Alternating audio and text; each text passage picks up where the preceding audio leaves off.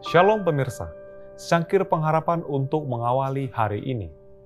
Kasih Allah tidak terukur seperti langit.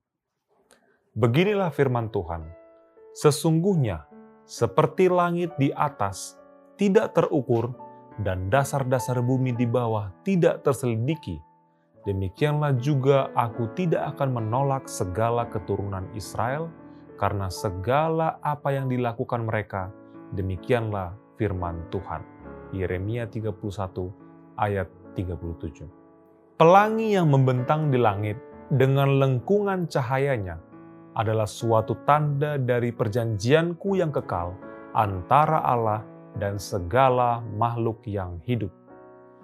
Dan pelangi yang melingkari tahta di surga juga adalah tanda bagi anak-anak Allah mengenai perjanjian damainya Sebagaimana pelangi di awan merupakan hasil perpaduan sinar matahari dan hujan, demikianlah pelangi di atas tahta Allah menggambarkan persatuan rahmat dan keadilannya. Tetapi kuasa Allah masih terus dijalankan untuk memelihara benda-benda ciptaannya. Bukan oleh sebab mekanisme yang sekali saja digerakkan, lalu terus-menerus bekerja dengan tenaganya sendiri – sehingga nadi berdenyut dan napas dihirup berulang-ulang. Setiap hirupan napas, setiap denyutan jantung merupakan bukti pemeliharaannya oleh siapa kita hidup dan bergerak serta memiliki wujud kita. Dari serangga yang terkecil sampai kepada manusia, setiap makhluk yang hidup setiap hari bergantung atas pemeliharaannya.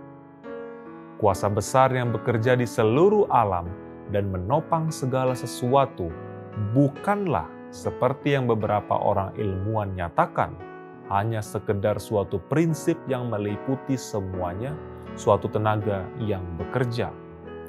Allah adalah roh, namun ia adalah suatu oknum, karena manusia diciptakan menurut gambarnya. Sebagai pribadi juru selamat, ia menjadi pengantara dalam pengadilan surga. Di hadapan tahta Allah, bekerja demi keselamatan kita, seorang seperti anak manusia. Hanya kasih yang mengalir dari hati Kristus yang dapat menyembuhkan.